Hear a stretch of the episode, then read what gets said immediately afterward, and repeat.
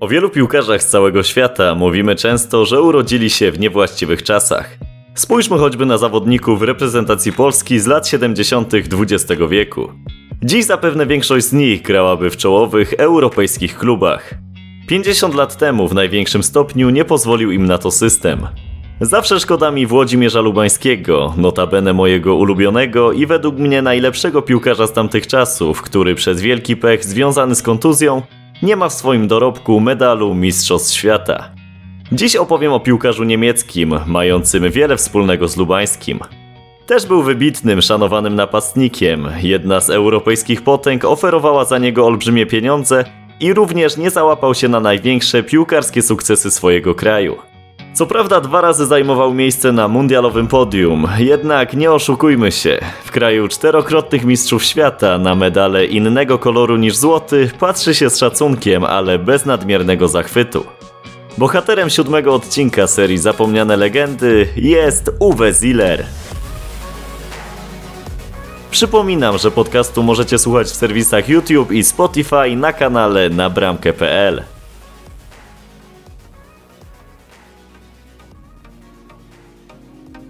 Uwe Ziller przyszedł na świat 5 listopada 1936 roku w Hamburgu. Można śmiało powiedzieć, że był skazany na futbol, bo jego ojciec Erwin i starszy brat Dieter byli piłkarzami. Młody Uwe poszedł więc sprawdzoną, wydeptaną ścieżką i już w wieku 8 lat trafił do rodzimego Hamburgera SV. Choć cele miał jasno określone, grać tak, by zostać gwiazdą swojego ukochanego klubu oraz trafić do reprezentacji, nie zaniedbywał nauki. Szkołę podstawową ukończył z wyróżnieniem jako najlepszy uczeń, a później bez problemu zdał egzamin na spedytora i znalazł pracę, co raczej nie powinno być niespodzianką, w miejscowym porcie. Jego olbrzymie zaparcie, systematyczność i tytaniczną pracę wykonywaną na treningach szybko dostrzegli i docenili trenerzy pierwszej drużyny HSV. Zatem wcielili go pod swoje skrzydła, gdy ten miał zaledwie 16 lat. Szansę wykorzystał wspaniale, do tego stopnia, że dobrymi występami bardzo szybko otworzył sobie drogę do reprezentacji Republiki Federalnej Niemiec. Legendarny trener Sepp Herberger przyglądał mu się nawet w kontekście zabrania go do Szwajcarii na, jak się okazało, złote dla jego ekipy Mistrzostwa Świata, jednak możliwość debiutu w narodowych barwach dał mu ostatecznie niedługo po ich zakończeniu. 16 października 1954 roku Ziller rozegrał 68 minut w przegranym 1-3 spotkaniu przeciwko Francji. Liczył sobie wówczas zaledwie 17 lat, 11 miesięcy i 11 dni. Do dzisiaj utrzymuje się w ścisłej czołówce najmłodszych debiutantów w historii piłkarskiej reprezentacji naszych zachodnich sąsiadów. Niemiecka Bundesliga powstała dopiero w 1963 roku. Wcześniej mistrza kraju wyłaniano w systemie dwuetapowym. Kluby zachodnich Niemiec zostały kluczem geograficznym podzielone na pięć grup Uberligi, w których każdy grał z każdym w systemie ligowym na zasadzie mecz i rewanż. Podział prezentował się następująco. Uberliga Nord, Uberliga Süd, Uberliga West, Uberliga Südwest i Uberliga Berlin. Następnie zwycięzcy lub dwie najlepsze ekipy z każdej z grup walczyły między sobą o mistrzostwo zachodnich Niemiec. HSV miał monopol na wygrywanie północnej grupy. Tylko raz w sezonie 1953-54 najlepszy okazał się Hanower. Ziller strzelał jak na zawołanie, zostając najlepszym snajperem rozgrywek w sezonach 1955-56, 1956-57, 1958-59, 1959-60, 1960-61 oraz 1961-62.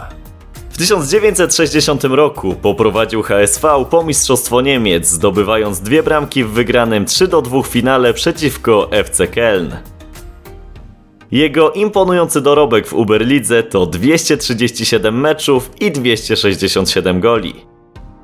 Później, jak wspomniałem, nastały czasy Bundesligi. Ziller już w dziewiczym sezonie 1963-64 zapisał się w jej annałach. Choć HSV zajął na finiszu rozgrywek dopiero szóste miejsce, jego najlepszy zawodnik sięgnął po koronę pierwszego w historii ligi króla strzelców. Z 30 trafieniami konkurencję pozostawił daleko w tyle. Drugi w klasyfikacji Friedhelm Koniecka, bramkarzy pokonał 20 razy. Dorobek Zillera w Bundeslidze to 239 występów i 137 goli. Takie poczynania nie mogły zostać niezauważone. Już w 1961 roku na stole pojawiła się oferta Interu Mediolan. Napastnik wpadł w oko legendarnego Elenio Herrery, który zapragnął mieć go w swoim wielkim zespole, nie bez przyczyny wspominanym mianem Grande Inter. Na stole leżała oferta opiewająca na ponad milion marek, przeogromne pieniądze jak na te czasy w piłce nożnej. Na wstępie porównałem Zillera do Lubańskiego. Po naszego rodaka w latach 70. do Polski przyjechali również z wypchaną po brzegi walizką pieniędzy przedstawiciele Realu Madryt. Transfer napastnika Górnika Zabrze został zablokowany przez komunistyczne władze. No cóż, takie to niestety były czasy. W zachodnich Niemczech nie było takich problemów. Pieniądze za Zillera zostały zaakceptowane przez HSV, jednak wtedy do gry wszedł sam zainteresowany. Bardzo mocno związany z Hamburgiem, nie chciał ruszać się poza jego granice. We wspomnieniach z dzieciństwa miał obrazy bombardowania, które jeszcze bardziej zacieśniały jego silną więź z miastem. Poza tym został wychowany na ugodowego, niesamowicie grzecznego oraz poukładanego dżentelmena i uważał, że swoim ewentualnym odejściem z HSV mógłby zranić klub oraz kibiców, których kochał równie mocno jak oni jego. Nietypowy pseudonim piłkarza, Uns Uwe, czyli nasz Uwe, nie wziął się znikąd. Co ważne, nazywano go tak nie tylko na północy kraju, ale w całych Niemczech. Fani do tego stopnia uzależnili się od bramkostrzelnego napastnika, a ten odpłacał im się, oprócz oczywiście skuteczną i widowiskową grą, niezwykłym przywiązaniem do barw oraz codzienną serdecznością, że nie mogli nie uznawać go za swojego. Ziller pochłaniał kierowane w swoją stronę uczucia, uważał, że nigdzie nie będzie czuł się lepiej niż w Hamburgu i nie chciał dopuścić się zdrady, z którą sam miałby problem sobie poradzić. Ponadto konsultował swoją decyzję z selekcjonerem kadry narodowej. W wywiadzie udzielonym w 2005 roku tygodnikowi Piłka Nożna wspominał – Pewnego dnia zadzwonił do mnie legendarny trener Interu Mediolan, Elenio Herrera. Umówił się ze mną w najdroższym hotelu w Hamburgu i zrobił na mnie niesamowite wrażenie. Wyglądał jak dyrektor banku albo polityk. Miał ze sobą walizkę pełną pieniędzy, jakich grając w HSV nie zarobiłbym w 10 lat, bo to były czasy, kiedy moje pobory wystarczały ledwie na opłacenie czynszu. Radziłem się Herbergera, który był dla mnie jak ojciec. Chciał, żebym został. Powiedział, że nie jestem typem człowieka, któremu dobrze będzie za granicą. Spotkałem się więc z Herrerą jeszcze raz i odmówiłem. Zdziwił się i natychmiast podwoił stawkę. Ale wtedy już nawet podwyżka nie była mnie w stanie przekonać, bo Dassler w porozumieniu z selekcjonerem zaproponował mi pracę dla Adidasa. Jeździłem po Niemczech i promowałem jego produkty. Nie jako model, bardziej byłem sprzedawcą. Zapewne większość z Was wie, kim był Dassler, jednak dla porządku poświęcę mu chwilę w tym słuchowisku. Adolf Adi Dassler specjalizował się w produkcji obuwia sportowego, a jednocześnie był wielkim entuzjastą piłki nożnej. Łatwo zwrócić uwagę, na co składa się połączenie zdrobnienia jego imienia z trzema pierwszymi literami nazwiska. Adidas szybko stawał się potęgą na rynku obuwniczym, z czego korzystała piłkarska reprezentacja Niemiec. W 1954 roku Dassler pojechał z reprezentacją RFN na mundial do Szwajcarii jako de facto jeden z członków sztabu. Przed finałowym meczem przeciwko wielkiej złotej jedenastce reprezentacji Węgier występowały silne opady deszczu, przez co murawa na stadionie przypominała przesiąkniętą gąbkę. Założyciel Adidasa zaproponował Herbergerowi, by jego piłkarze zagrali we wkręcanych korkach, a to okazało się jednym z najważniejszych niuansów, dzięki którym doszło do cudów w Bernie i zdobycia przez Niemców tytułu Mistrzów Świata. Płynnie przeszliśmy do tematu moich i zapewne nie tylko moich ulubionych turniejów międzynarodowych, czyli Mistrzostw Świata. Ziller zadebiutował na mundialu 8 czerwca 1958 roku w wygranym 3 do 1 starciu przeciwko Argentynie. Swój dziewiczy występ uczcił zdobyciem gola. W Szwecji trafił jeszcze raz w kończącym poczynania grupowe zremisowanym 2 do 2 spotkaniu przeciwko Irlandii Północnej. Republika Federalna Niemiec awansowała do najlepszej czwórki zmagań, ulegając w półfinale gospodarzom 1 do 3. W finale pocieszenia, którego stawką był oczywiście brązowy medal, Ziller usiadł na ławce, a Niemcy ulegli Francji 3 do 6. Cztery gole dla zwycięzców zdobył bohater poprzedniego odcinka serii Zapomniane Legendy, Just Fontaine. Jeśli jeszcze nie zapoznaliście się z tą postacią, serdecznie zachęcam do odsłuchu. Czwarte miejsce zajęte przez obrońców tytułu było rozczarowaniem, jednak znacznie lepszym osiągnięciem niż na mundialu w Chile w 1962 roku. Piłkarze Sepa Herbergera zmagania zakończyli na ćwierćfinale, przegrywając Jugosławią 0 do 1. Ziller dwukrotnie wpisał się do protokołów meczowych jako strzelec gola. W wygranych meczach grupowych przeciwko Szwajcarii oraz Chile. W 1966 roku wielka piłka wróciła do Europy, a dokładniej do ojczyzny futbolu, do Anglii.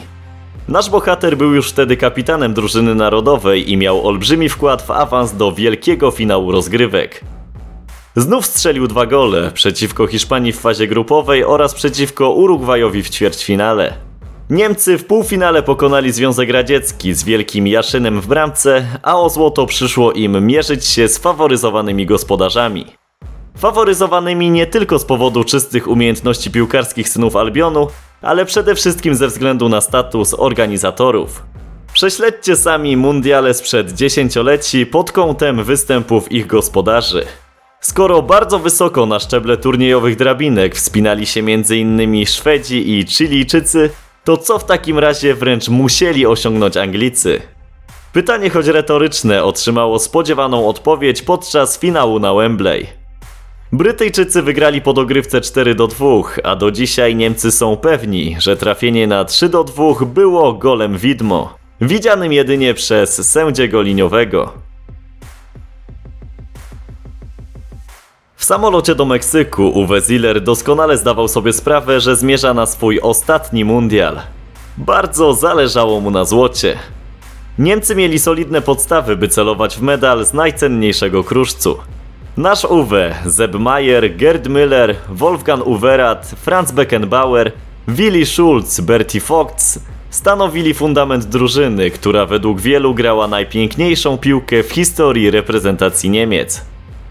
W Meksyku zajęli pierwsze miejsce w grupie z kompletem zwycięstw, a Ziller trafiał do siatki w meczach z Maroko i Bułgarią.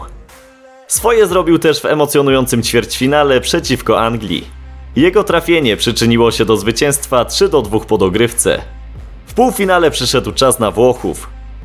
Po regulaminowych 90 minutach utrzymywał się remis 1 do 1, a lepszej dogrywki w historii Mistrzostw Świata nigdy nie odnotowano. Cios za cios zakończył się jednak zwycięstwem piłkarzy z Półwyspu Apenińskiego.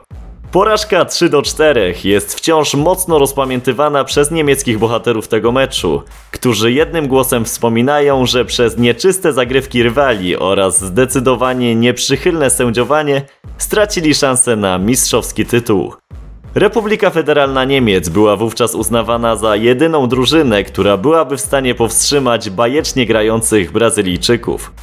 Włosi nie dali rady, przegrali w wielkim finale aż 1 do 4. Ziller z czempionatem pożegnał się zwycięstwem 1 do 0 nad Urugwajem, po którym na jego szyi zawisł brązowy medal Mistrzostw Świata. W swoim mundialowym dorobku ma zatem srebro i brąz, w finałach rozegrał 21 meczów i strzelił 9 goli. Jest jednym z zaledwie czterech piłkarzy, którzy wpisywali się na listę strzelców podczas czterech różnych czempionatów. Oprócz niego tej sztuki dokonali tylko najwięksi: Pele, Mirosław Klose oraz Cristiano Ronaldo. Niespełna trzy miesiące po zakończeniu mundialu w Meksyku, Ziller pożegnał się z międzynarodowym futbolem. W wygranym 3 do 1 sparingu przeciwko Węgrom po raz ostatni przywdział koszulkę w narodowych barwach. Zaliczył w niej w sumie 72 występy, w 34 z nich pełnił rolę kapitana oraz 43 gole. Po karierze swoje sławne nazwisko wykorzystywał w słusznych celach. Założył fundację, wewnątrz której funkcjonowała drużyna piłkarska grająca charytatywne mecze pokazowe na rzecz potrzebujących. Sam Ziller również pojawiał się na boisku aż do 1998 roku. W latach 1995-1998 pełnił funkcję prezesa HSV. Teraz kilka wyróżnień indywidualnych. Ziller trzykrotnie został uznany najlepszym niemieckim piłkarzem. Miało to miejsce w 1960, 1964 oraz 1970 roku. W 1970 został też pierwszym sportowcem odznaczonym Orderem Zasługi Republiki Federalnej Niemiec. W 2003 roku przyznano mu honorowe obywatelstwo Hamburga. I w tym przypadku jest pierwszym sportowcem, który dostąpił takiego zaszczytu. Dwa lata później pod stadionem HSV ulokowano ważącą kilka ton wierną rzeźbę z brązu, przedstawiającą stopę Zillera w dwudziestokrotnym powiększeniu.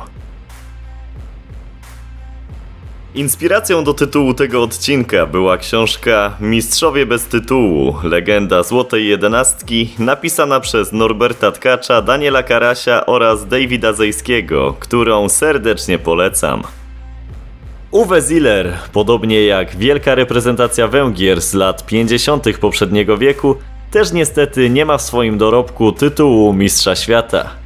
Z jednej strony może mówić o pewnym pechu, bo aż cztery razy wystąpił na mundialu, a jak na złość, złote dla zachodnich Niemiec okazywały się ostatnie przed nim w 1954 roku i pierwsze bez niego w roku 1974.